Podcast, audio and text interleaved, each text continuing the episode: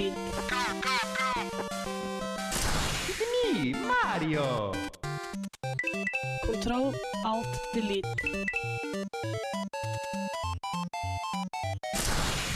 Unable to comply.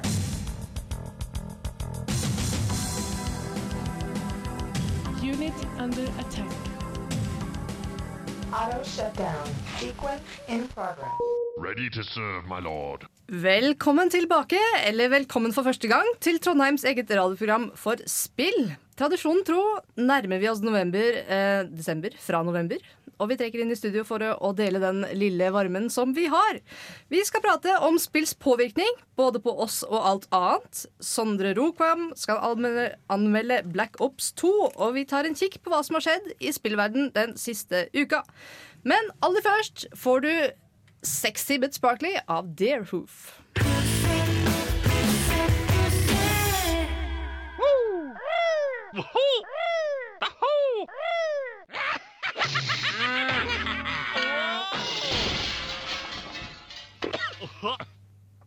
Deres programleder i dag heter Hanna Gulbrandsen, og det er min første dag som eh, diktator i dette programmet. Med meg i studio så har jeg Bård Ræstad, Hei, hei. Jens Erik Våler Halla. og Sondre Rockvam. Beklager. har dere spilt noe morsomt i uka som var? Jeg har faktisk spilt masse rart i løpet av den siste uka. Eh, på Game så fikk vi inn PlayStation Allstars Battle Royale ekstra tidlig, så eh, jeg fikk teknisk sett betalt for å ta og stå og spille det lag med kunder. Yay me! Det er ikke verst. Det er ikke verst, og det er et ganske underholdende spill, faktisk. Eh, men det er på godt og vondt ikke Super Smash Bros. Eh, for systemet er ganske annerledes fra Super Smash. I Super Smash så slår du folk, de får større prosent. Større prosent de har, jo mest sannsynlig slår du deg ut av skjermen. I eh, Battle Royale så kan du ikke slå folk ut av skjermen uten å ha superangrep. Du får eh, energi til superangrep med å angripe andre.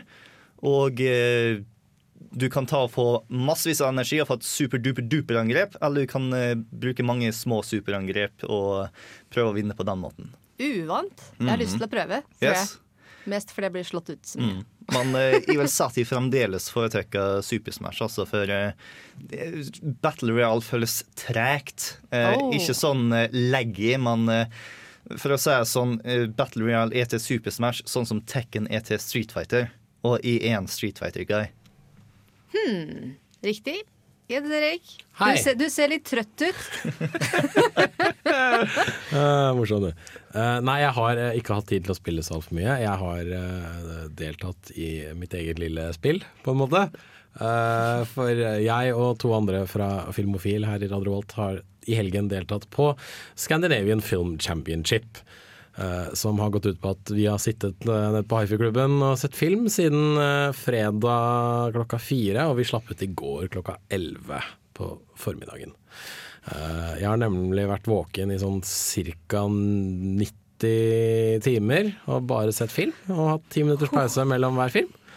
Og så eh, har jeg forsøkt å holde meg våken.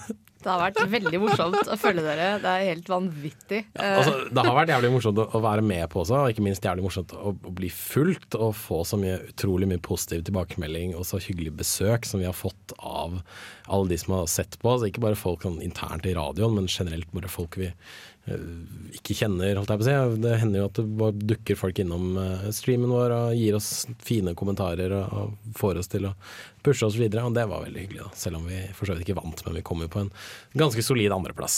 en verdig andreplass. Absolutt. Eh, absolutt. Ikke så verst for det laget som meldte seg på kun for moro skyld, egentlig. Nei, det er helt, helt sant. Og når du var ferdig, så løp du selvfølgelig hjem for å spille sp sove. Selvfølgelig. Ja, jeg prøvde å holde meg litt våken, og så bare nei, dette går ikke. Ikke la meg, sov i 18,5 timer. Kanskje like greit. Ja.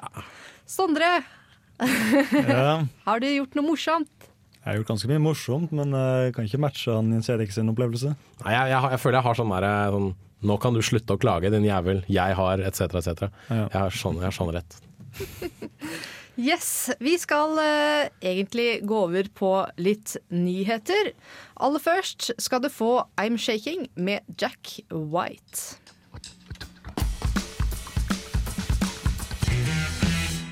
I'm Commander Shepard. and this is my favorite podcast on the Citadel. Vi skal straks over på litt nyheter, men jeg er fortsatt litt nysgjerrig på hva du gjorde forrige uke, Sondre. Jeg har spilt veldig mange forskjellige spill. Jeg har vært innom Halo sammen med avdelingsleder på radioen. Han kom innom en, ja, klokka tre en dag og sa 'kom og spill Halo'. Og ja, så runda vi det. Det var jo artig. Og så har jeg spilt Borderlands, og så har jeg så klart spilt Black Ops 2, da, som jeg har anmeldt. Mhm, det håper jeg jo. yes. Men hva har du gjort, Hanna? Du har ikke sagt noe ennå. Eh, jeg eh, får sånn diller. Jeg har hatt litt sånn dille på League of Legends. Og hadde min kanskje mest episke happening noensinne i min gaminghistorie. Fordi eh, Riot hadde en convention i eh, Statene forrige uke, hvor de samlet litt eh, ja, relativt proffe team, vil jeg si. Men Profeteam i hva da? I League of Legends, sa jeg ikke? Ja, ja. Eh, og um, de gjestet de europeiske serverne forrige uke som en litt sånn surprise party. Uh, og den som ble overrasket, var meg. Fordi plutselig ble jeg plassert mot et lag som er et av, et av verdens topp, altså 0,02 beste spillerne. Et helt lag fullt av bare helt ville, ville mennesker. Som var knallmorsomt å spille mot. Eh, og jeg oppdaget jo etterpå at Eller jeg fikk jo superjuling. Det var jo ikke noen tvil om det.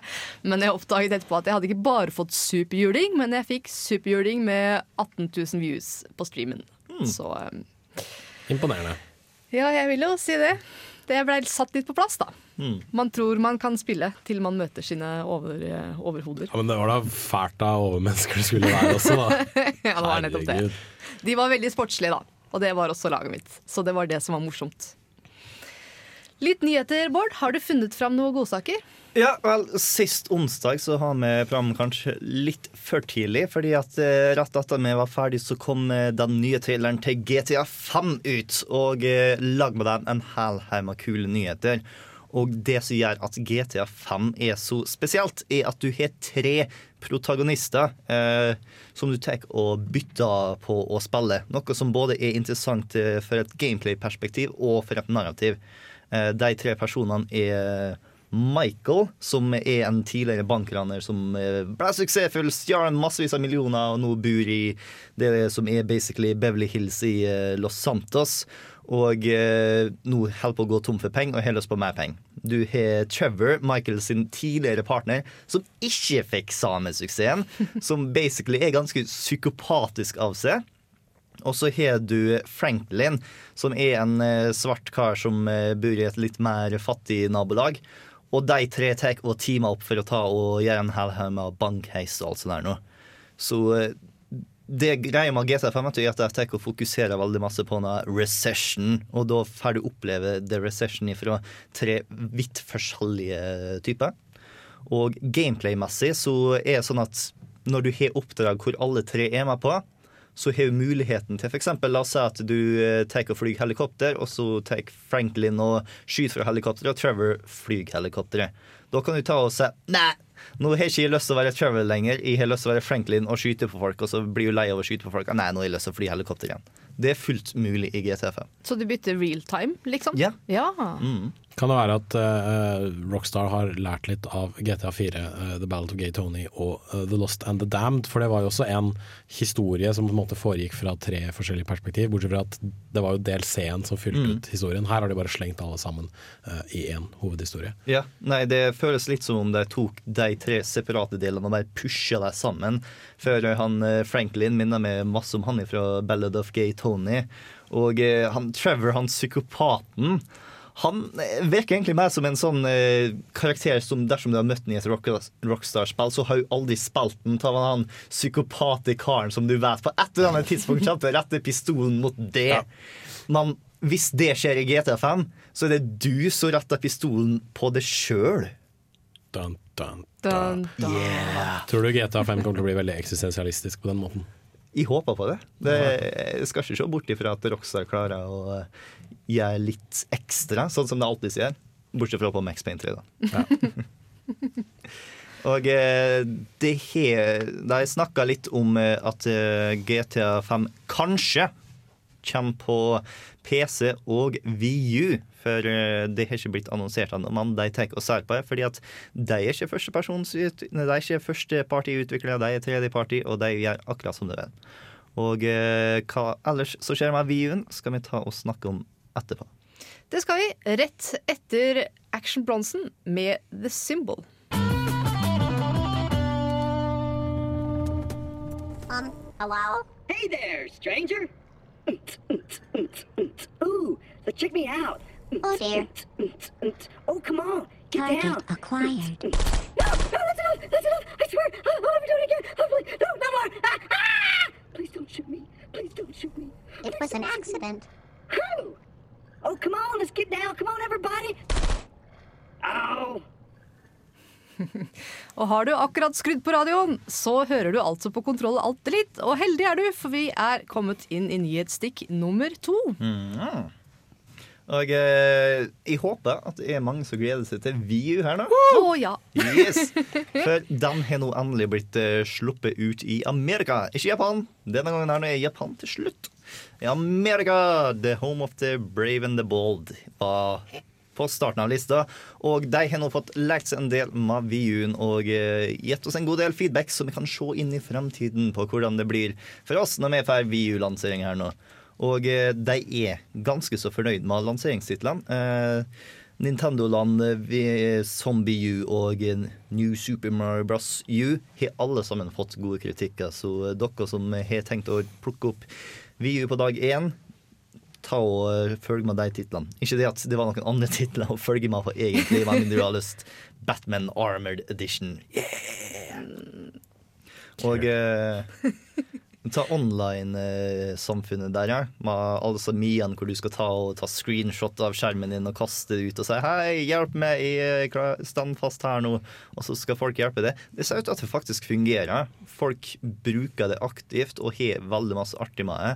Så da spørs det om det her nå vil ta og skje samme som skjedde med 3DS-en i starten, hvor alle sammen gikk rundt og streetfasta i hytt og pina og, og har kjempeartig, og to måneder senere så ingen. Folk streetpasser jo fortsatt, da. Gjør man ikke i den hyppigheten som jeg gjorde i starten. Men jeg Det tror det, jeg tror det har mye med hvor naturlig del av spillet det er. Mm. At, at man på en måte gjør det som en sånn greie som passer fint inn i spillet, eller om det bare er sånn greie som folk gjør fordi ah, det er gøy nå som ting er nytt, og folk sikkert blir med fordi det er nytt. Hvor enkelt for eksempel, er det å ta et screenshot og bare sende det av gårde og si 'her sliter jeg', for eksempel. Ja. Eh, hvor, og, og, og samtidig få vite hva slags tilbakemelding du får. Hvor enkelt er det?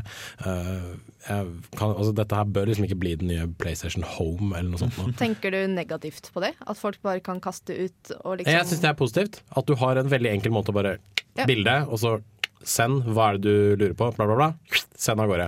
Og så får du med en gang feedback, da. Eh, med, altså med en gang noen svarer, så får du vite det med en gang.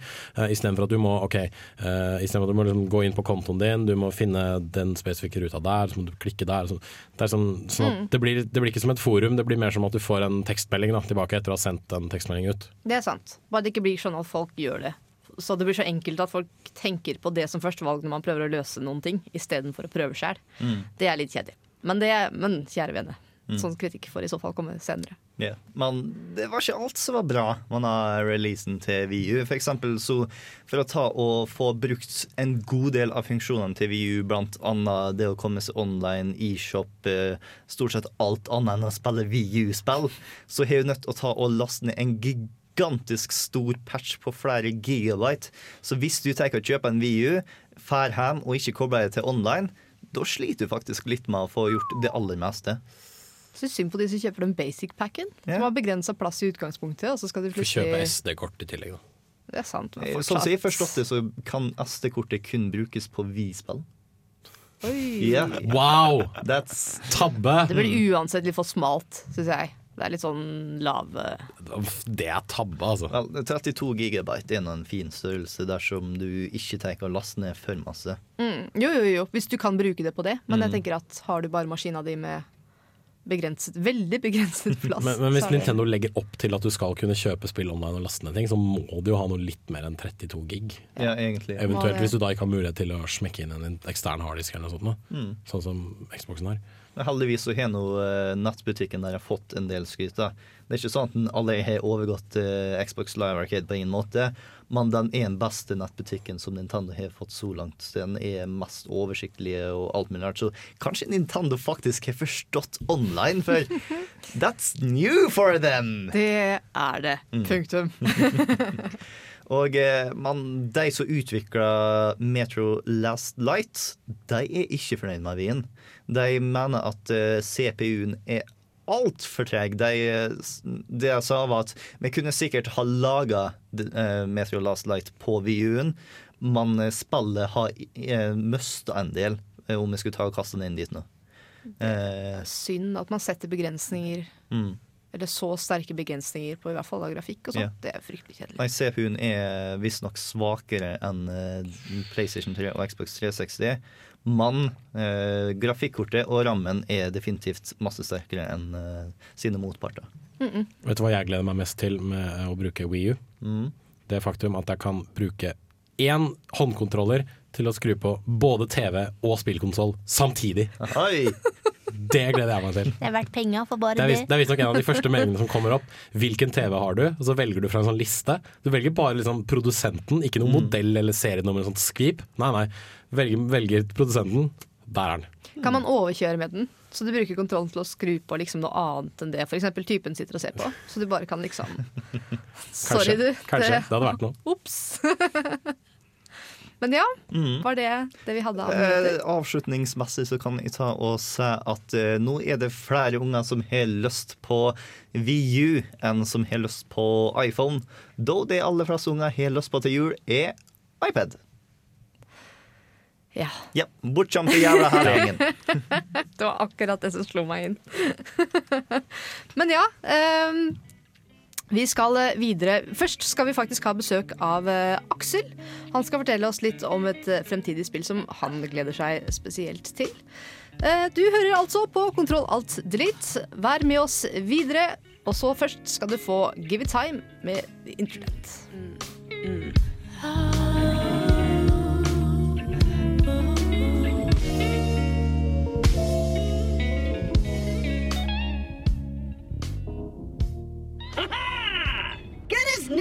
I think. Am I leaking? Hello? Wait, Hello? is that?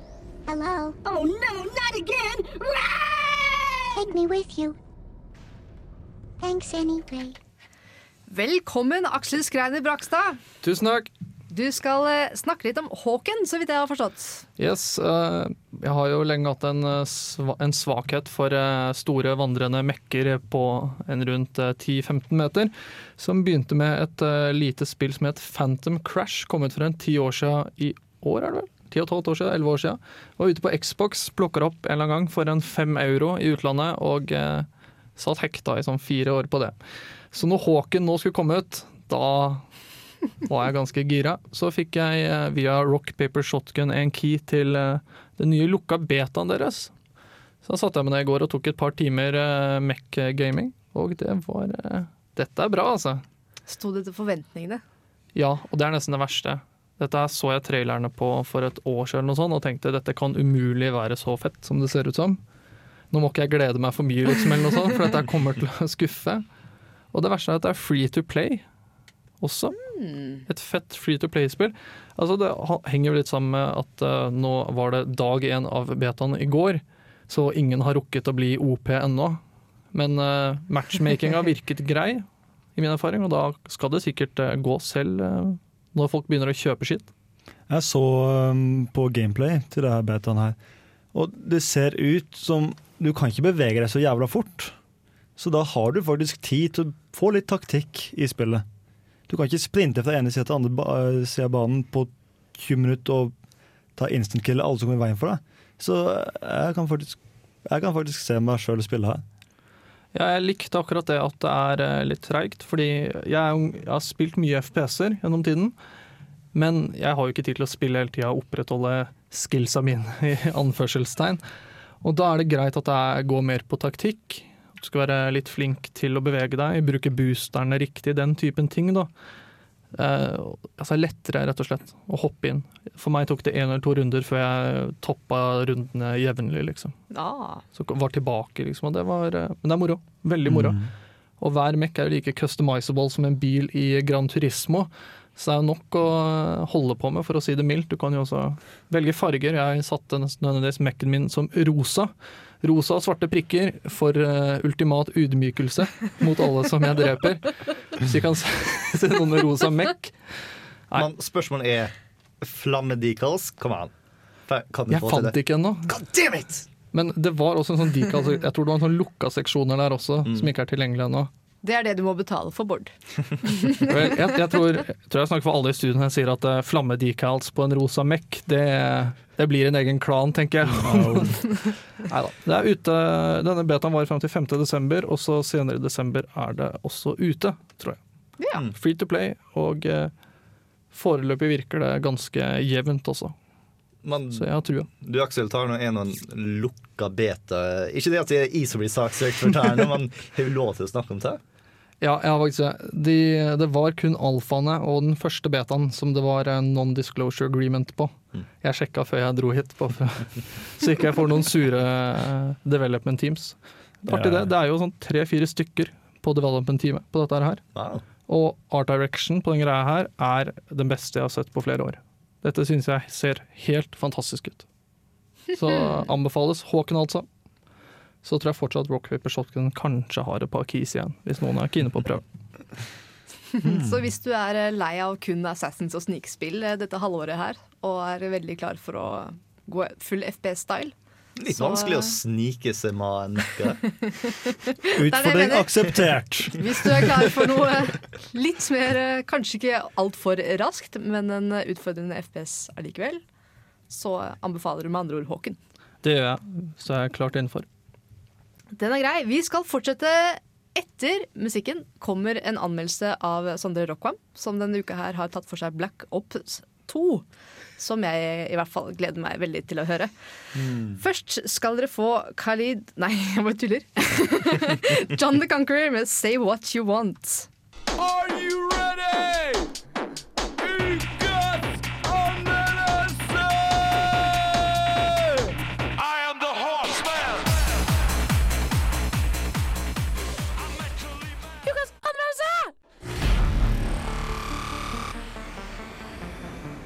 Technology got stronger.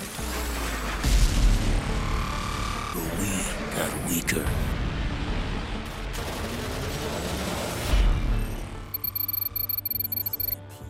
Det er enda en høst. Og enda et skytespill har nettopp falt på markedet. Enda en gang skrikes det høstens storhet. Og enda en gang består en shooter av en kort singleplayer, mens det enda en gang er multiplayeren som trekker spillerne. For niende gang er kommet spill i denne skyteserien. Og enda en gang utgir Treyarch en etterfølger til verdens mest solgte spillserie. Det er kommet enda et Call of Duty. Det er kommet enda et Black Ops. Call of Duty Black Ops 2 er kommet. Say for the fact that I'm still alive. None of this surprises me. Singleplayeren i Call of Duty-serien har tidligere lidd av linearitet og gjennomskuelighet. Men denne gangen har innovasjon og sandbox singleplayer vært i fokus under utviklinga. Men enda en gang er plottet lett gjennomskuelig, og enda en gang er et Call of Duty-spill nært. Fordi det blir ikke en sandbox av at fire punkter i spillet er med på å endre avslutningsanimasjonen.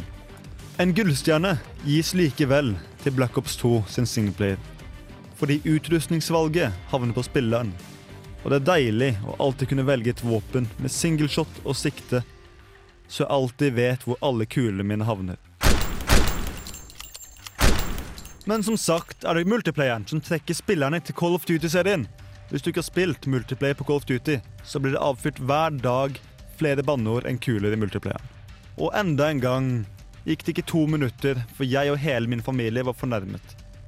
Your birth certificate is an apology from the condom factory. Problemet med Black Ops 2 er at det gir meg ikke noe nytt. De har kule animasjoner, og de har en multiplayer som flyter litt bedre.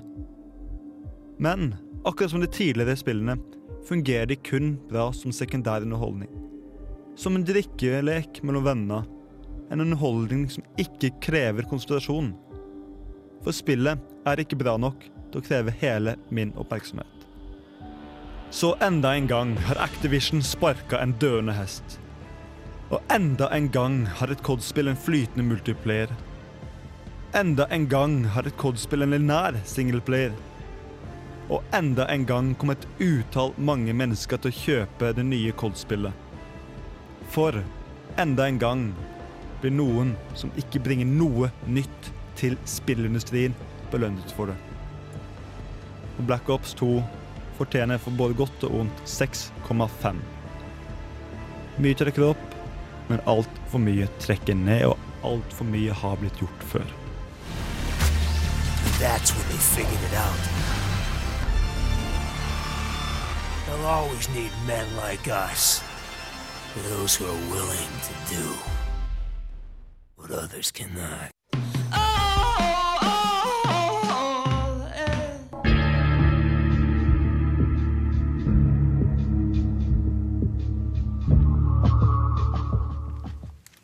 Anmeld til an, anme, Anmeld til Anmeldelsen til Sondre Rockvam, altså etterfulgt av Kari Harneshaug med Eat My Words.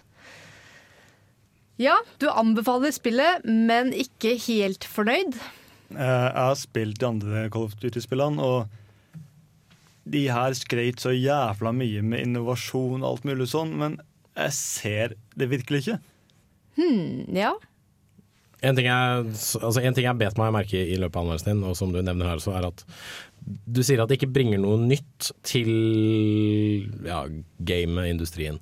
Whatever. Og jeg skjønner at du kan være skuffa hvis utviklerne har sagt at de skal innovere på x antall måter, Mhm. men likevel er det et argument at det ikke bringer noe nytt. For jeg kan peke på veldig mange spill som ikke bringer noe nytt til uh, spillindustrien generelt når de gir ut spill. Ja, men for å si det sånn, jeg var skuffa over eh, Jeg er veldig ofte skuffa over eh, etterfølgere. Fordi det er slik at Ja, men vi tyner bare litt mer ut av det her. Jeg, jeg har ikke spilt Jo, har spilt i, men ikke nytt veldig mange Battlefield eller Call of Duty-etterfølgere, fordi det er akkurat det samme en gang til. Jeg, jeg nøyte ikke de siste Total War-spillene heller, fordi der tok de overstrekte seg sjøl, men det er det samme en gang til. Og jeg gidder Jeg har lyst til å se noe som tar engasjerer meg på en helt ny måte. Ikke bare sitte og mimre 'Å ja, ja, ja, det har jeg gjort før'. Og zombier, ja, de tok og skrøt av det også, men igjen Men det er jo bare så mange måter du kan skyte folk i fleisen på. Det er litt mitt argument, da. Ja, men da kan du sikkert finne noe annet å gjøre på. Og så har du ikke lyst å ta og slakte gullfuglene heller. vet du. Call of Duty er den mest innblikksrikende whatever i verden. Så Mm. hvis du tar og, og har skikkelig innovasjon her nå, så kan du ta og skremme bort alle kundene dine. Og det er nok Activision absolutt ikke til å gjøre, Fordi at da går de konkurs. Jeg klarer ikke heller å la være å tenke tanken på at det her er faktisk det folk vil ha heller, jeg, i veldig Mm. stor grad. Fordi jeg merka det spesielt godt når Diablo 3 kom. At det her, liksom, det her er ikke Diablo i det hele tatt. Og den er litt skummel. At, men, men ja, kanskje det er det fansen vil ha. Ikke alle, tydeligvis, men Nei, jeg er helt ærlig Jeg ser ikke Det har ikke noe vært en expansion pack. Og det kunne de fleste Cold-spillene vært, men det her kunne vært en expansion pack fra ende til annen. Og singleplayeren den, jeg må innrømme, den har en god historie, hvis du sammenligner den med tidligere Cold-spill. Den har noen kule animasjoner, men ingenting her føles nytt. Ting, det er masse minigames, f.eks. styr en edderkopp. Jeg spoiler ingenting. Eller kjør et fly, eller kjør en bil. Eller sånn. Fly, hopp fallskjerm, for den saks skyld, men ingenting føles ut som det er lagt noe vekt på. Det er bare Hei, se, vi kan gjøre noe nytt! Minispill, fallskjerm, expansion pack. Det. Ja, Istedenfor å lande, så flott å fly litt. Men det føles jo helt uvirkelig, og du kan ikke sammenligne det med noe ordentlig. Nei, du sier at eh, du tror ta er det fansen har lyst på. Jeg vil heller påstå Jeg tror ikke nå er det folk flest har kjempelyst på. Jeg tror det er det fleste kan akseptere. Mm. Ja, det er sant. Det er litt sånn mye rage, raging før spillet kommer, når man ser liksom hva nye features skal bli, og man er ekstremt skeptiske, som man bør være når noe, er, noe man er glad i. Altså en oppfølger til et spill man er glad i. Og så vil man gjerne egentlig Eller man føler man vil ha det samme, og så kommer kanskje det samme, og så blir folk skuffa for at de ikke får noe nytt. Så det er en skummel balanse, tror jeg. Det er um, en ting som gjør kanskje at uh, multiplayeren på Call of Duty ikke appellerer spesielt med meg. Det er det at jeg ser virkelig ikke noe appellering i å sitte åtte timer og grinde for å bli best mulig og springe og skyte folk. Småbrødrene mine gjør det. Kommer jeg inn hjemme, eller hvis jeg drar hjemmefra og kommer tilbake etter to timer, jeg ser at de sitter og spiller, så river jeg ut kontakten fordi de har kasta bort to timer av livet sitt på å bli flinke til å springe og trykke knapper i akkurat riktig rekkefølge. Er det ikke strengt tatt det man gjør i de fleste multiplayer-spill? Jeg spiller veldig få multiplayer-spill. Fair enough. Men uh, en ting som du, du nevner, du sier nå at du syns at historien er interessant, men jeg har ikke hørt deg si noe hva historien handler om. For tro det eller ei, det er faktisk noe av det som har interessert meg litt i uh, spillet. Det er å lese at de, de tar ikke og setter ting i fortid eller en nåtid, men de går heller til en tenkt fremtid. Ja, det gjør det. Og, men det er jo, for å helt ærlig, den tenkte fremtida føltes litt sånn sci-fi halvhjerta ut. Men mye av det er basert på teknologi som eksisterer nå. Mye av det er basert på teknologi som eksisterer nå, men samtidig mye av det er teknologi at hvis Forsvaret i Amerika, Amerika skulle ha brukt penger på det her, så hadde de mest sannsynlig ikke hatt noe igjen. Det er teknologi som finnes, men hvis du skulle serieprodusere alle de tinga de hadde i det spillet her, så ja, lykke til. Ja, Selv, det er selv i løpet av 13 år. Det er sånn Ja. det amerikanske forsvarsbudsjettet fungerer, Sondre. Ja. Det er en grunn for at de har så lite penger. Det er fordi militæret får sånn ca. 50% av alt de har. De må ta 150 for å ta, komme til dit de skal komme. Ja. Eller mer enn det. 550% Jeg vet ikke. Ja, de har mye av det som finnes, men det er så på prototypenivå at Ja, for eksempel eh, fallskjermopplegget. Da har du en rakett på ryggen. som Istedenfor å ta åpne fallskjermen, så åpner du fallskjermen ti meter over bakken, og så lander du. Det skjer ikke i virkeligheten. Du har noe nå folk lager som heter Jetman, som én person har laget det. Hvor du har da ei vinge som du flyr med i lufta.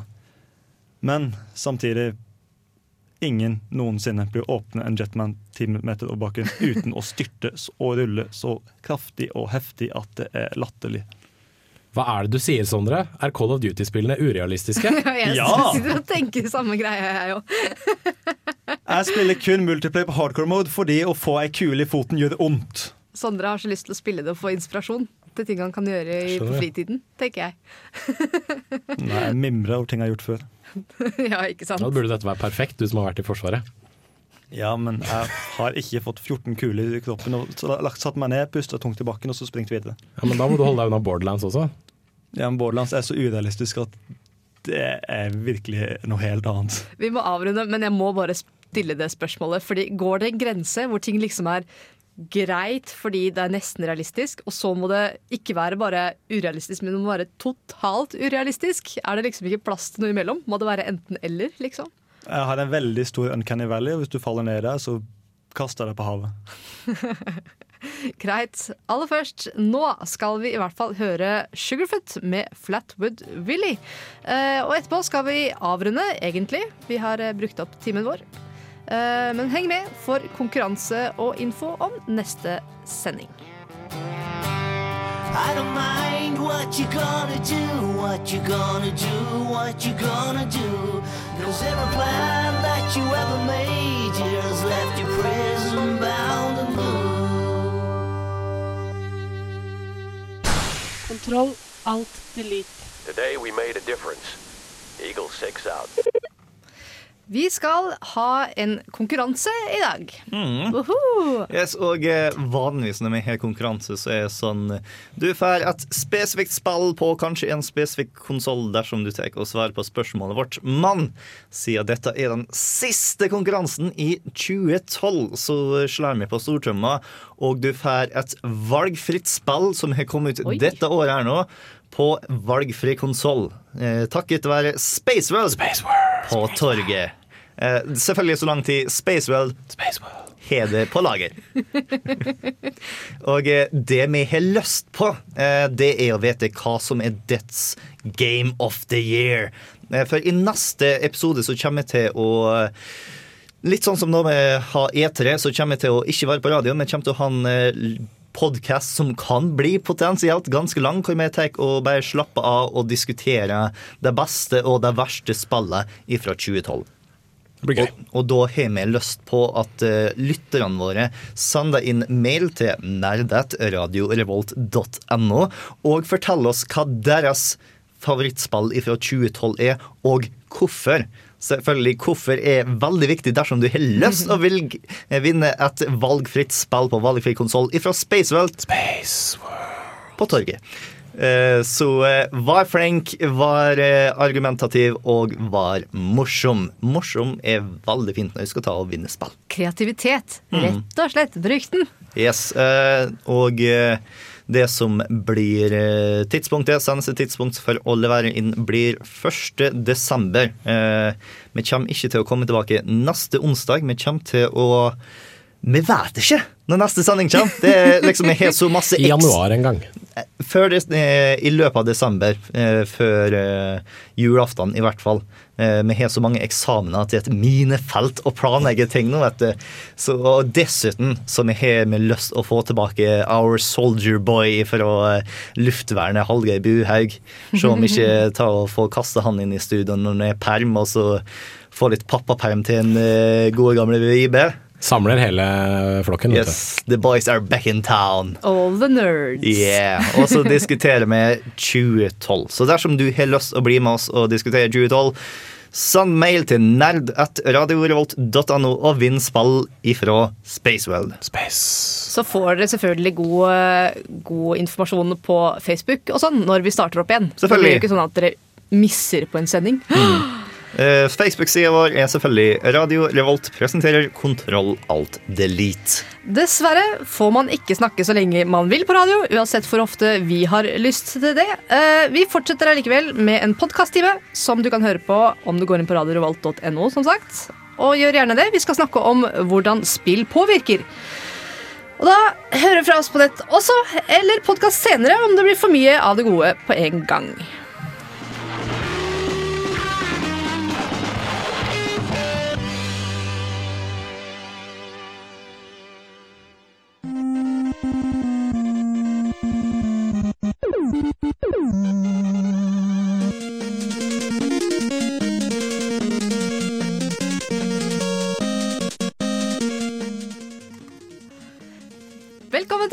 Fortsatt på Kontroll Alt dritt.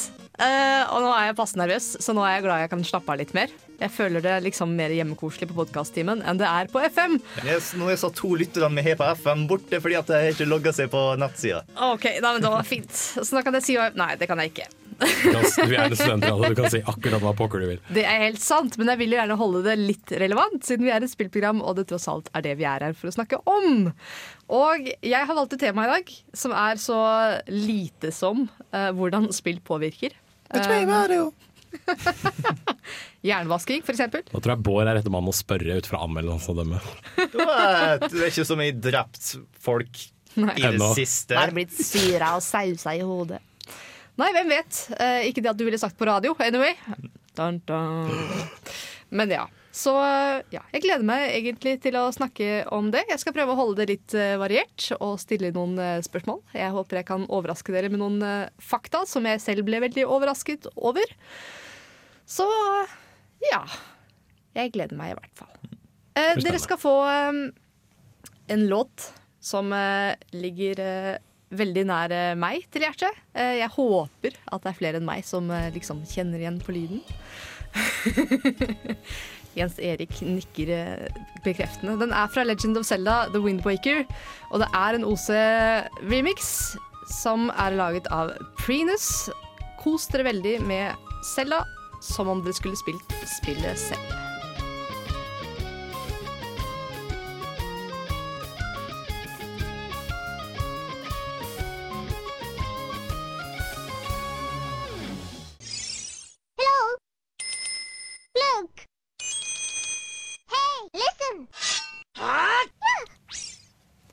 Hadde du sett oss nå, så hadde du sett oss tromme på bordene og danse rundt. For uh, i hvert fall Jens Erik og jeg var skjønt enige om at det var et Eller Selda um, Wind Waker. Wind, Jesus. At Wind Waker har det beste soundtracket til noe Selda-spill. Og dere kan være enige eller uenige med det, men da blir det blank. Vi skal snakke om påvirkning i spill, og jeg gleder meg faktisk litt til med disse tallene. Fordi først skal jeg snakke om litt med økonomi, utrolig Mm. nok, og det høres kjedelig ut. Og alle bare Åh. Jeg kommer ikke til en kontroll- og for å snakke om økonomi og statistikk, altså. Men vet Du du, er forresten sånn at THQ er gått opp i aksjer, da. Tjalala. you. Vet dere, gutta, hvor mye spillindustrien er verdt? Altfor mye. Mer enn to. Mer enn to. Cirka 1000. Sa cirka 1000. Eller cirka 500 billioner norske kroner. Altså er det billioner som i billion? Det er eller? altså 500 000 millioner norske kroner. Det er masse penger, og masse penger defineres av tre ganger uh, musikkindustrien, faktisk. Det Ja. er gigantisk stort. Uh, så ja. Det er jo en eh, franchise som vi ikke er Vi har nok nok å ta av i tiden fremover. Ja. Det blir nok ikke mangel på spill. Kjøp av virtuelle ting i spill.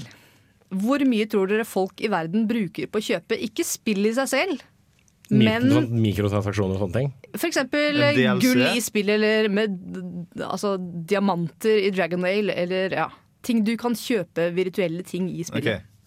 Uh, one million dollars. 100 million dollars. 101 million dollars. Hva er nærmest? 50 billioner norske kroner.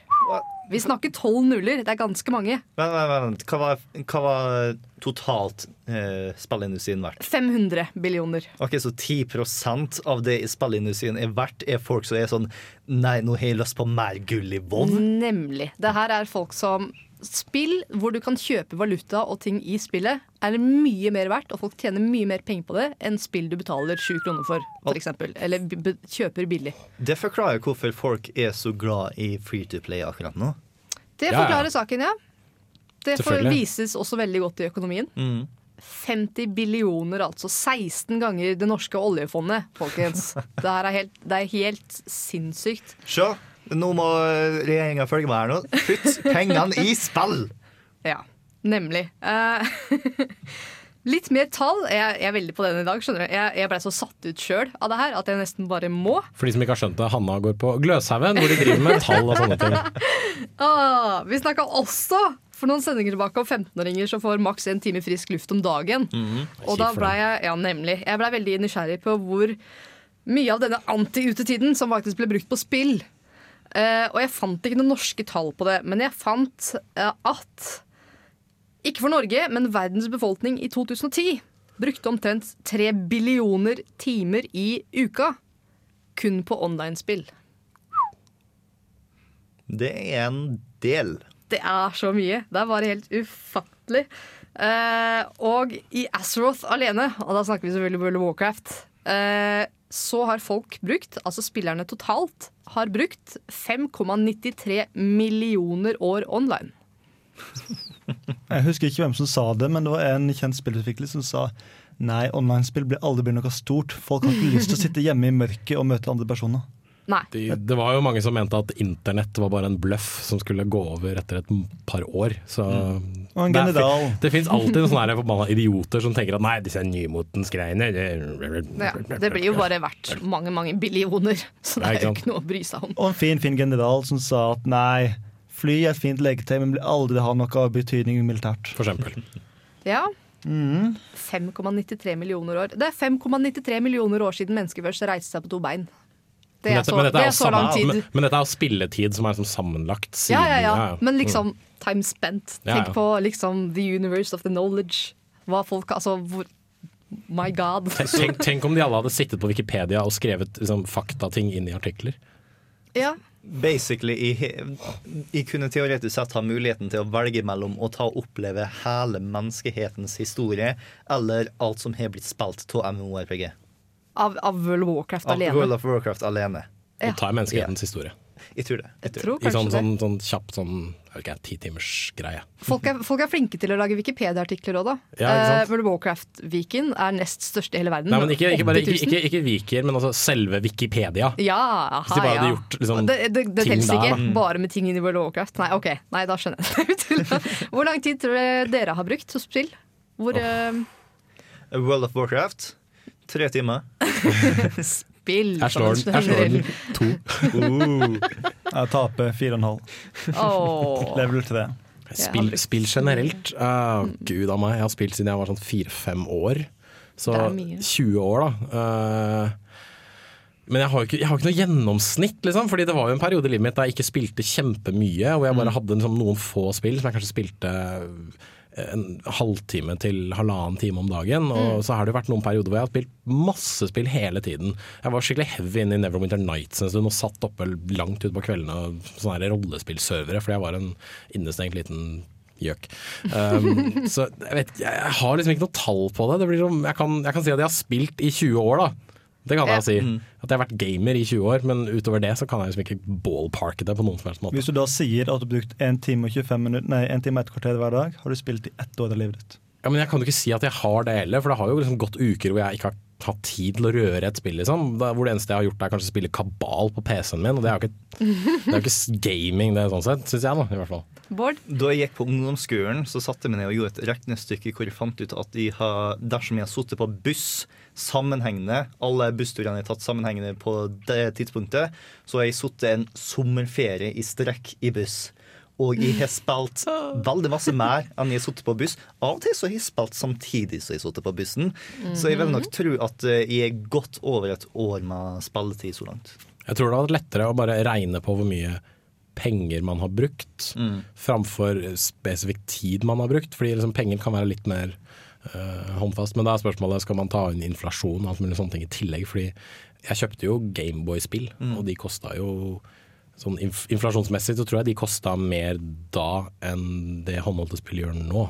Nintendo 64-spillene mine kosta 700 kroner. Det er ikke så langt unna det de koster i dag, for så vidt. Nei, men altså inflasjon, ikke sant. Selv om Ja, det bare ja, er ti det år, så det blir det jo penger. Mm. Men eh, vi kan ta og prøve å gjøre et litt sånn regnestykke her nå. Dersom du tar og fordeler alle de pengene per time på alle de eh, timene du har spilt med spill, hva er da timeslønnen din i hermetegn på å spille? Um, ja, Altfor liten. Jeg, jeg tror jeg Negativ timeslønn, er det det du prøver å Jeg tror jeg har veldig liten eh, timelønn der nå, fordi at uh, 0,0000 Steam sales Ja. Ja, Mm. ja. ja. Jeg har litt inntekt òg, men det går nok ikke opp i opp, tror jeg, nei. Jeg hadde stort sett cover på si det da? Jeg kan si det nå, som jeg Mm. ikke spilte på World of Warcraft lenger. Yeah. Men jeg dekka på en måte utgiften min, månedlige betalingen, på å, å skaffe items og gull i spillet, for så vidt, og selge. Så det gikk greit. Jeg følger eh, vinning.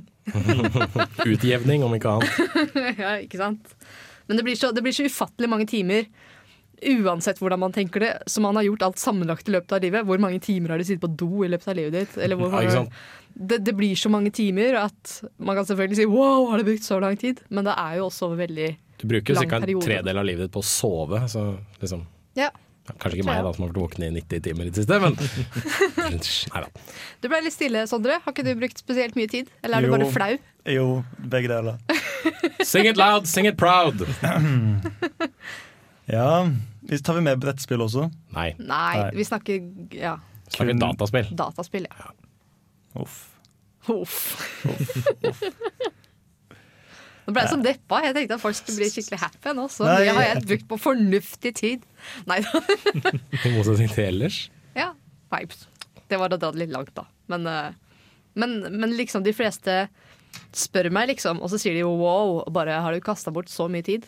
Og jeg vil jo bare si det med hånden på hjertet at jeg føler det jo ikke sånn. Mm. At jeg har kastet bort tiden min, og det er litt viktig å få det fram at Det er Ja, men det, det er da du jeg kan at- virkelig da- stå da- inne for den tiden jeg har brukt. Men det er da du sier at nei, jeg har ikke kasta bort tid. Jeg sier jo det. Mm. Altså at jeg retter dem på definisjonen, ja. Det jeg liker best, er at den tida jeg har brukt på spill, har jeg lært noe. Jeg har masse rart. Mens den tida har veldig mange andre personer brukt også på TV. Mm. Og da blir du så jævla hjernedau. Jeg har i hvert fall hatt et problem som har irritert meg såpass mye at jeg har kasta en PC i gulvet og mista en PC i gulvet. Men Jeg vil si at du taper mer på det enn å se på TV, altså. Jo, men, Taper en PC. ja, men likevel, jeg har ikke kasta bort like mange timer fordi jeg har hatt noe å tenke på. Det er altså. Det er sant. Vi skal eh, snakke veldig mye mer om spill. Eh, aller først skal dere få The Protman med Light Up The Night. Du hører på Kontroll Alt Drit Følg fortsatt med oss.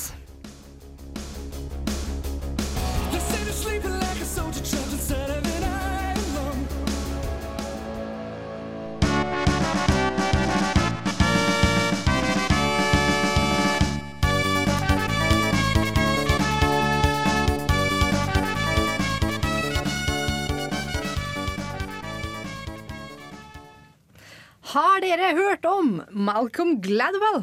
Nei. Japp. Nei. Japp. Han har i hvert fall skrevet en bok som heter Outliners. Er det sånn da. gløsingting? Å nei da, det er ikke Bokbaren dere hører på. Men hør nå, eller hør nå, hør nå, som Sverre Sand ville sagt. Han har noe han kaller for tusentimersregelen. Og i boka nevner han gjentatte ganger at nøkkelen til suksess, uansett hva det gjelder, er å øve på det du vil lære i omtrent 10 000 timer. Mm. Da vil du bli ekspert på ditt område. Makes sense. Yes. Og det som nå blir spennende, for gjennomsnittsgameren, altså gjennomsnittet av den som bruker mye tid på spill, vil bruke 10 000 timer i spill før de blir 21 år gamle. Men når har de da begynt å spille? Det går Det vet jeg ikke helt. Fordi man kan si hva som helst om sånn at det og det skal skje før den og det og det, det, og det året, liksom. Men da må man jo også vite når det begynner. For Du- ingen begynner å game når de er null. Nei. Du begynner da gjennomsnittet begynner. Ja, og Når er det gjennomsnittet begynner å game, da? Jeg ser unger som går Jeg ser toåringer som går rundt med iPader og mm. og spiller cut the rope, liksom. Det kan være en sånn uh, force of nature. Begynner du når du er ti, så blir du bare helt liksom, oppslukt. hva, hva vil det si at du har begynt som gamer, og, og fortsatt som, så, så, å spille Jeg tror det er det at du har plukka opp en kontroll og trykt på den og observert at noe skjer på skjermen. Ja, men Det er veldig mange som gjør det, og så tenker at ja, dette er ikke noe for meg, og så legger de kontrollen fra seg, så går de og leser. Jo, jo, men de spiller Men ikke like masse ikke... som en gjennomsnittlig Da blir de ikke ekstremt gode. Men når begynner denne gjennomsnittlige gameren? Gjennomsnittlig Jens Erik, du har mista på poenget mitt! Just saying, I need these facts, man! Du og jeg, og sikkert Bård og Sondre også, har antageligvis brukt godt over 10 000 timer i spill. Ja, ja. Det ser riktig. Eh, og antageligvis alle lytterne våre, siden dere er nerde nok til å høre på oss. Så vi er eksperter i spill. Hva innebærer det egentlig? Uh, jeg, tror, hva, jeg tror Scrubs hadde en veldig bra definisjon av ordet ekspert. De som blir så besatte uh, av å lære seg alt, eh, eller av å kunne alt som har med et visst fagfelt å gjøre, at de bare kan det på rams. Ja. Fordi det, ja, noe sånt noe. Hmm. Hvis du Jeg, bare vet, jeg, jeg klarer ikke helt å skjønne hvordan jeg skal legge det til spill. Men kanskje, ja. Nei, vi Super spill- Mario. spill- Hvem, hvor er han fra? Ja, det kan du utenat. Eller det kommer an på om du spør. da Noen sier Mushroom King, og noen sier Brooklyn. Jeg vil si at dersom, dersom du tar og er ekspert i spill, så snakker jo spillspråket flytende. Det vil si at hvis du tar og blir introdusert til et spill i en sjanger du egentlig aldri har rørt før, så vil du forstå det spillet ganske fort, fordi at du gjenkjenner elementer fra andre spill. Sånn, OK, ta der nå gjenkjenner jeg fra GT. Oi sann, ta der nå jeg fra Mario. OK, da er jeg sånn og sånn og sånn, og plutselig så har jeg drept en hel haug folk i Hotline Miami. Men likevel så tenker du ikke på at du gjenkjenner det her fra GTA. Mm. Det er bare det at du tar, det, du tar ekspertavgjørelser. Mm. Avgjørelser som kommer av din erfaring, som du ikke tenker på. Det er sant. Men mm. tror, dere, tror dere man utvikler egenskaper som ikke nødvendigvis er direkte relatert til spill? Ja. Jeg har sett den her TED. Eh, Jeg tror at man kan bli flinkere på visse ting, men jeg vet ikke om det er noe man kan plukke rett ut fra et dataspill og ta i bruk. Uh, altså Puzzle games eksempel, tror jeg vil hjelpe deg i å bygge opp en viss form for logisk tenkning og uh, ja, hvordan du kunne, liksom, kunne planlegge flere skritt uh, framover. Samme dette med reaksjonstid, som jeg tror faktisk har blitt bevist også i diverse Mm. studier. At det å spille dataspill gjør hånd-øye-koordinasjon mye bedre, og ikke minst det at du klarer å reagere mye kjappere på, på ting. Og jeg vil tro at eh, det å ta kjappe avgjørelser eh, blir jo masse bedre når du spiller spill, fordi at du har nødt til å ta en hæl med kjappe avgjørelser for bokstavelig talt liv og død på en virtuell måte. La oss late som! Med litt innlevelse. Med litt innlevelse. Ja. Ja, um, jeg er enig med begge de to tingene her, men det jeg savner det litt, da, det er det at spill har vanligvis vært fra øye til hånda. Og det å være flinkere til å trykke på knapper, i, reagere fort på å trykke på knapp, det er ikke noe jeg ser på som en veldig viktig egenskap i livet mitt. Reaksjonsevne, da? Jeg tror ikke man, jeg tror Du, ikke man bare reaksjonsevne lærer generelt å har mer å gjøre med altså, Jeg tror ikke det bare har med å trykke med tommelen fort. Jeg tror det går på det med at du, er, du oppfatter mye Mm. ting, altså for, ting fortere og rekker å reagere.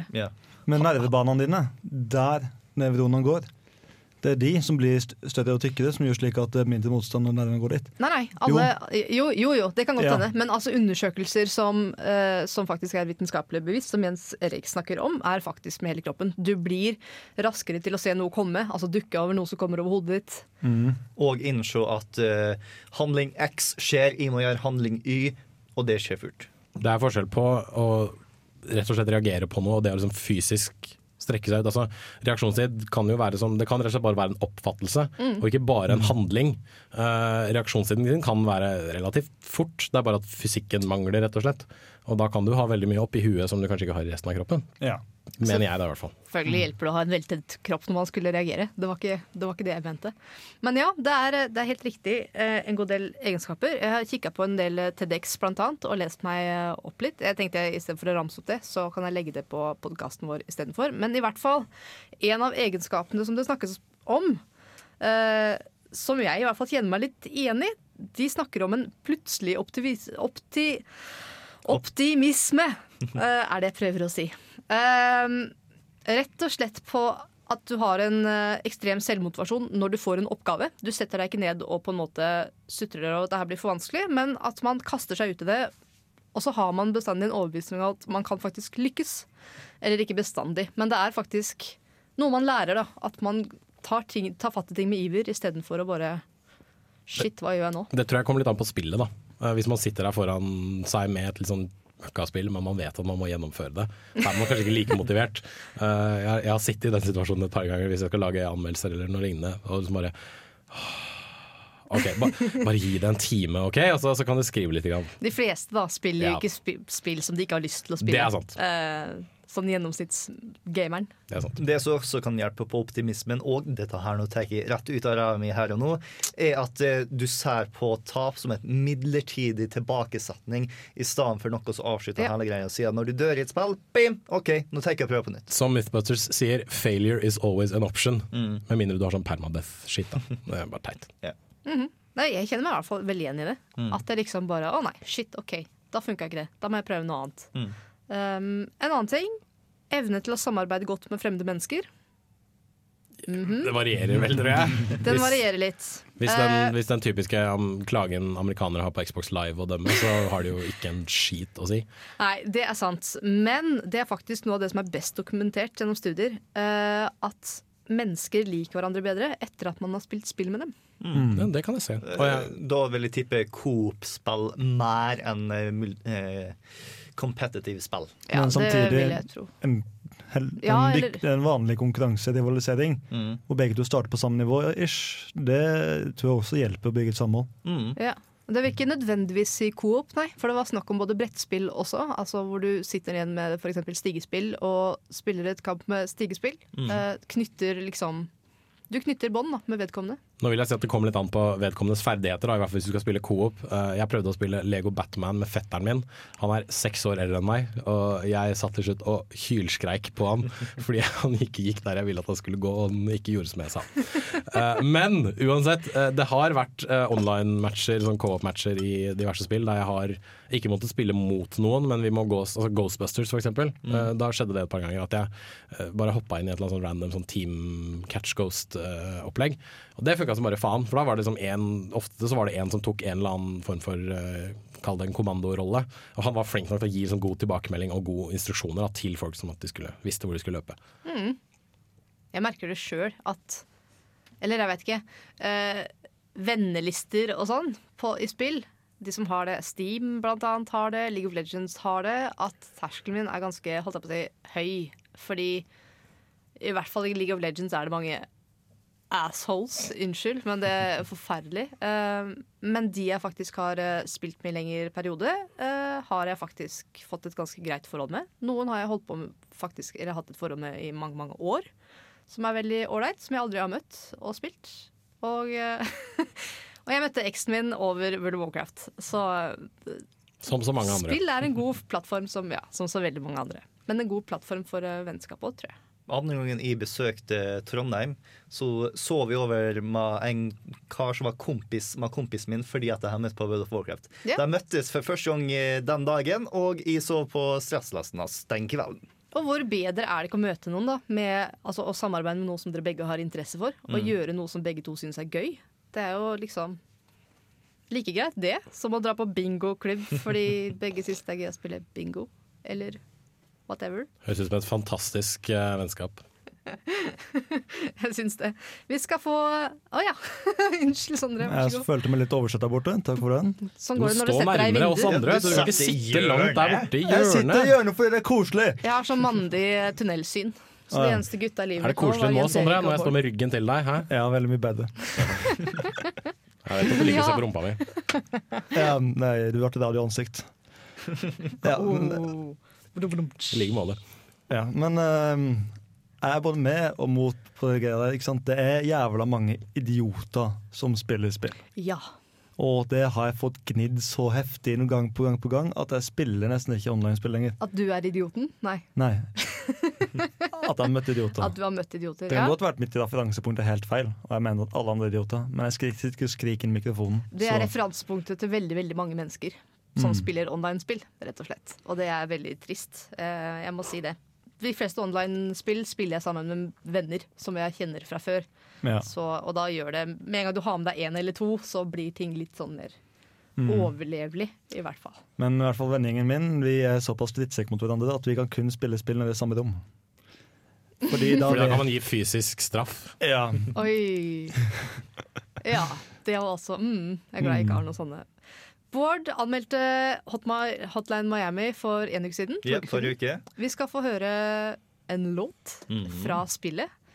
Per per Perturbitator. Og jeg har prøvd å si det en gang før, Perturbator. og jeg får det bare ikke til. Perturbator av Miami Disco. Omvendt.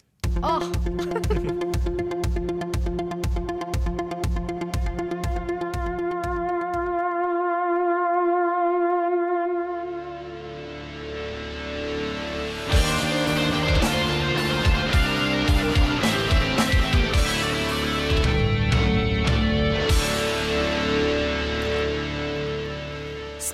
påvirkning, altså er det vi snakker om. Eh, jeg har eh, Jeg fant noe som jeg egentlig ikke tenkte at jeg skulle ha med i sendinga. Jeg drev og planla sendinga litt. Hvordan Planlegger spill planlegging? Planlegging, hva er det for noen ting? Når jeg gjorde litt research, Jens Erik. Hvordan spill brukes som virkemidler rundt oss. Eh, det som på engelsk kaller for eh, Gamification. gamification. Gamification. Som jeg har tatt meg den kunstneriske frihet å oversette til spillifisering på Ja. norsk. Mm, Eh. Det funker, følte jeg.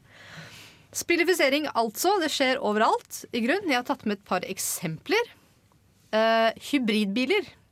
Morsomt nok. Oi. What? Flere av Toyotas hybridbiler kommer faktisk med minigames. What? Uh, blant annet et Tamaguchi-lignende spill, hvis dere husker Tamaguchis. Ja. Sånn lommedyr. I am a tamagotchi. Ja, anyway. eh, det er faktisk kjempeenkelt. Beklager, jeg, skal, jeg lover. Det er kjempeenkelt det de har gjort, faktisk. Det er en plante, rett og slett, som gror mens du kjører økologisk. Mm. Og så visner den hvis du kjører som en gris. Det har jeg sett i et spill, nei, en film. Ja, Og da ser du at de kjører veldig fort, og så sier de på kampen sida hey, your plant is dying. Og så, Og så må, du spi- og så må du kjøre bedre. ja. Jeg syns det er superlurt. Eh, fordi det har jo bare vist seg gang på gang at det er jo ikke nok å si at du kan redde mannens liv ved å ikke kjøre på den, eller redde et barns liv ved å ikke snakke i telefon. Det holder liksom ikke. Mm. Men du- få inn et spill, liksom. Og du må jo være en sånn gærning som bryr deg om virtuelle planter hvis du skal, i skal gidde å kjøpe en hybridbil fra Toyota. så- Det er sant. Og det er selvfølgelig hey. mye morsommere å bry seg om en virtuell plante enn en hel regnskog. Ja, Ærlig talt. Det setter ting litt i perspektiv, kanskje. Og så har jeg sett at det er noen biler som de har tenkt å gi ut med joystick. Joystick. Joystick. Og, oi. Nei, jeg vil nok eh, påstå at det er bedre med et ratt enn en joystick når du skal kjøre. Også kalt girspak. Nei, vent litt. Nei, nei det er ikke, ikke en joystick av den vanlige typen. Det er sånn her jagerpil-joystick at du holder med to hender, og så dytter du den fremover hvis du skal spille opp. Men jeg tviler på at det kommer ut, Oi. fordi det er perfekt for fyllekjøret. Jeg vil si det er Det er- eksepsjonelt lite perfekt for bilkjøring generelt. Det er det. Jeg tror du fort kan bli litt sånn carried away. Jeg, jeg da tenker i hodet mitt at det er veldig viktig eh, å sette grenser mellom virkelighet og spill. Og det her er et ekstremt godt eksempel på det.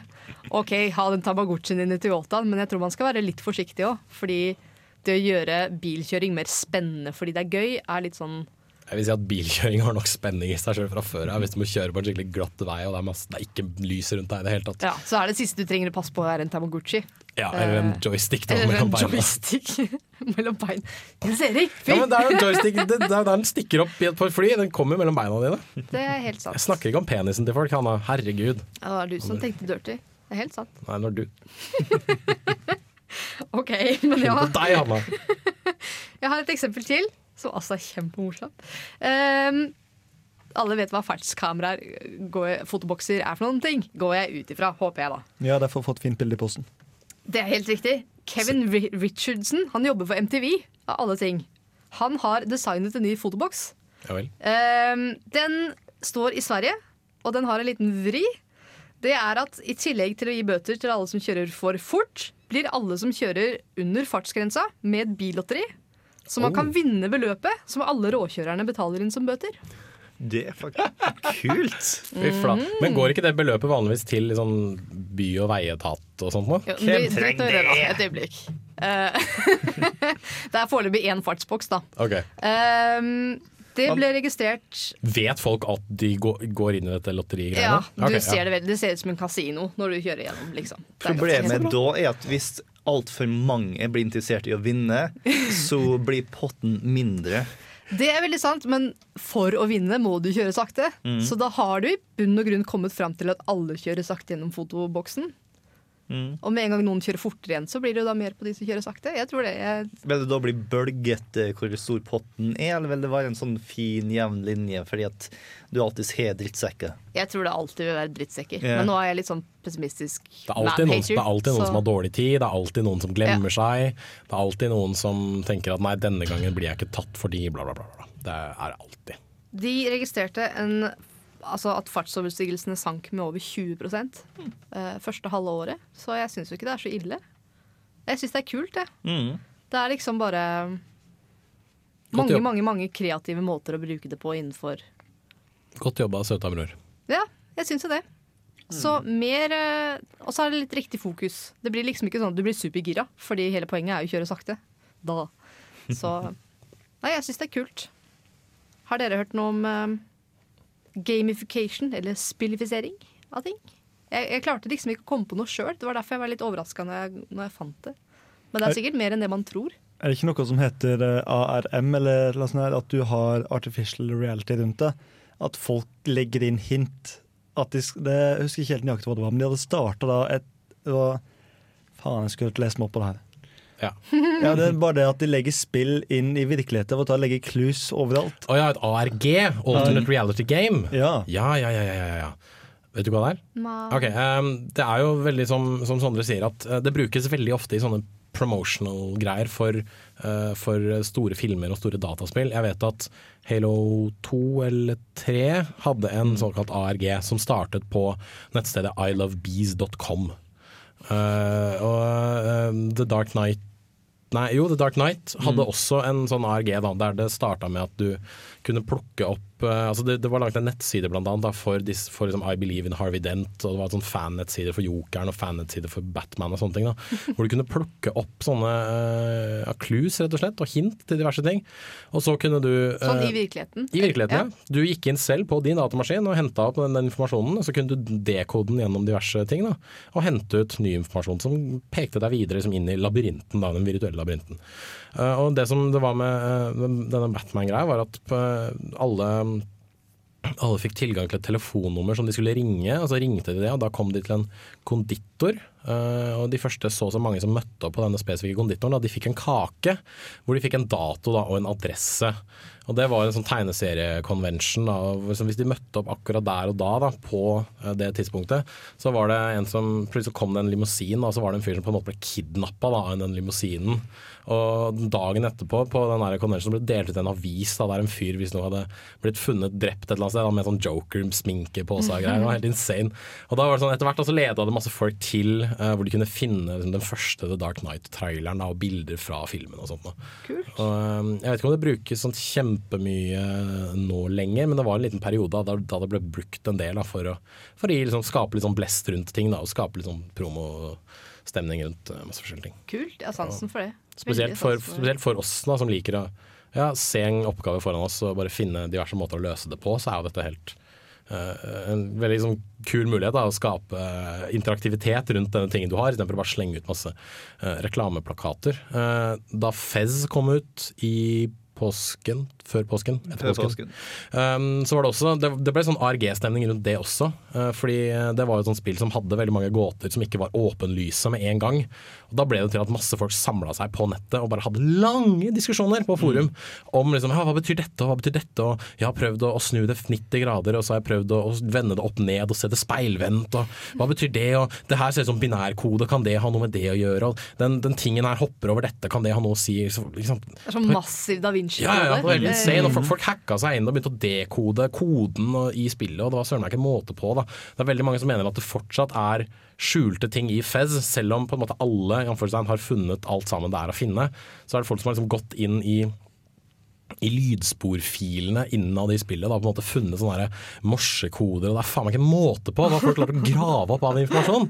Det er kjempemorsomt alt sammen. Kjempegøy å lese. Det er utrolig hva man finner bare man leter lenge nok, Ja. og hvilke skrudde ting som gir mening, hvis man prøver hardt nok. Jeg tenker på filmen The Number 23. For eksempel. Mm. Det er veldig sånn hvis Mm. du, hvis du vil finne det, så finner du det mest sannsynlig, og det, det gjør man nesten alltid. Vi åker videre, holdt jeg på å si. Vi skal ha ett stikk til, hvor vi eh, skal snakke om litt mer kontroversielt eh, tema. Um, vold i spill. Spennende. Mm. Alltid spennende. Først får dere alternativ intro fra GTA 2.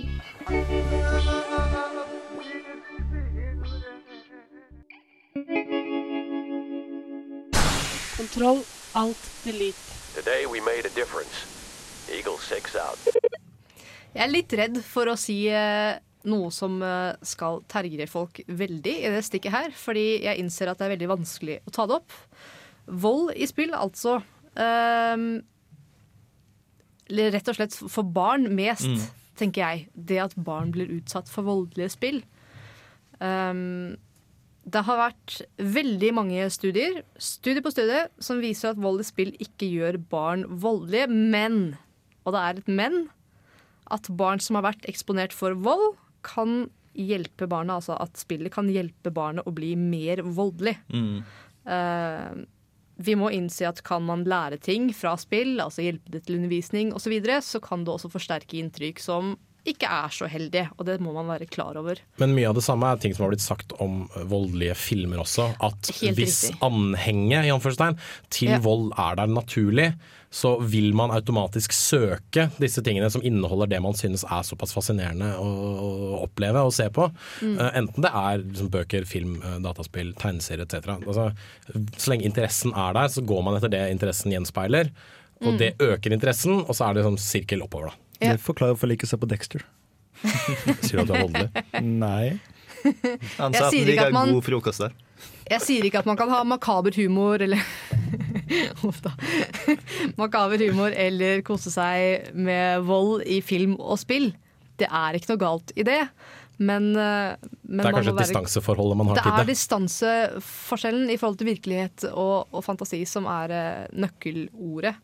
Og jeg syns det mangler sånn i debatten at, at liksom spillinteresserte liksom aksepterer det, at det er sånn. At man liksom må, man, man må bruke mye mer energi på å forstå hvordan det fungerer, da, Mm. istedenfor å på en måte gå og plaffe ned og si at nei, nei, det er ikke sånn. Fordi det kan fint være sånn hvis man på en måte skal stå virkelig på at spill er lærerikt, og det gjør jo de fleste spillnerder.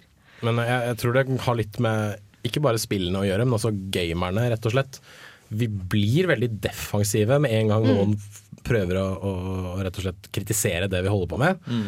Og vi har en tendens til å ikke møte debatter med et spesielt åpent sinn. Ja. Uh, vil jeg tørre å påstå. Uh, så jeg tror kanskje at først og fremst er det kulturen som må forandre seg litt.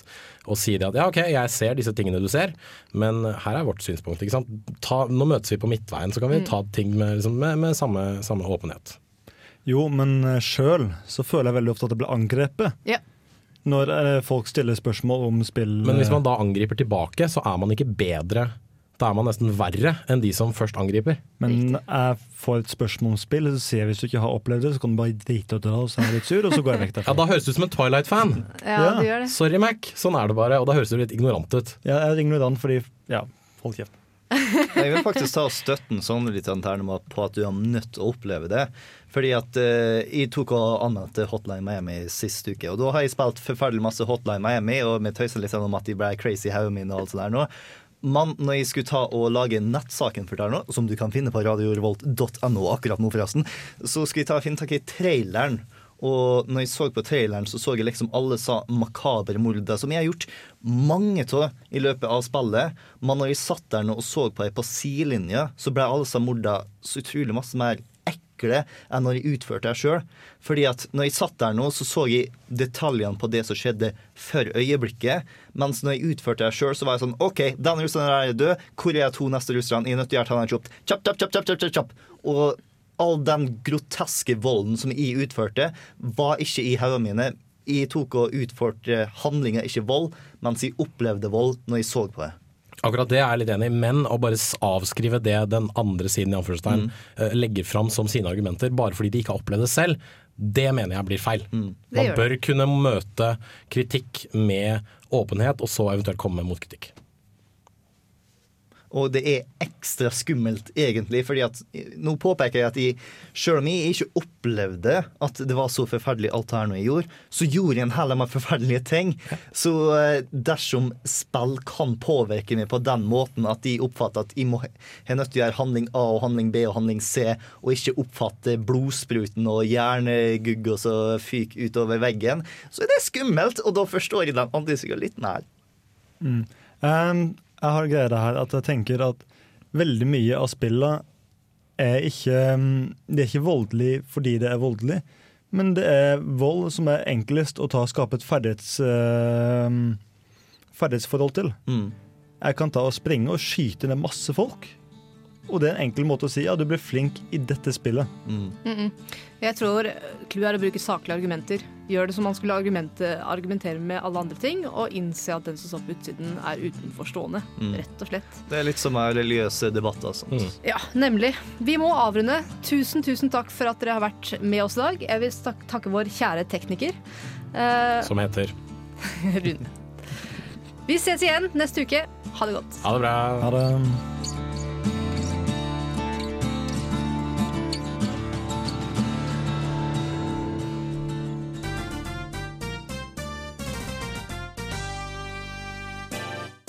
Har du spørsmål, utfordringer, ting du føler vi bør ta tak i, eller noe helt annet du vil spørre oss om, da kan du sende mail til nerd1radiorevolt.no. Ønsker du heller å tweete oss, kan du finne oss på Twitter, hvor vi heter rr-spill. Du finner oss også så klart på Facebook. Radio Revolt presenterer Kontroll Alt Delete. Der legger vi ut nyhetsoppdateringer, konkurranser og så klart masse enkel nerdehumor. Det var altså e-mail nerd.radiorevolt.no, Twitter rr-spill og Facebook Radio Revolt presenterer Kontroll Alt Delete. Vi høres neste onsdag.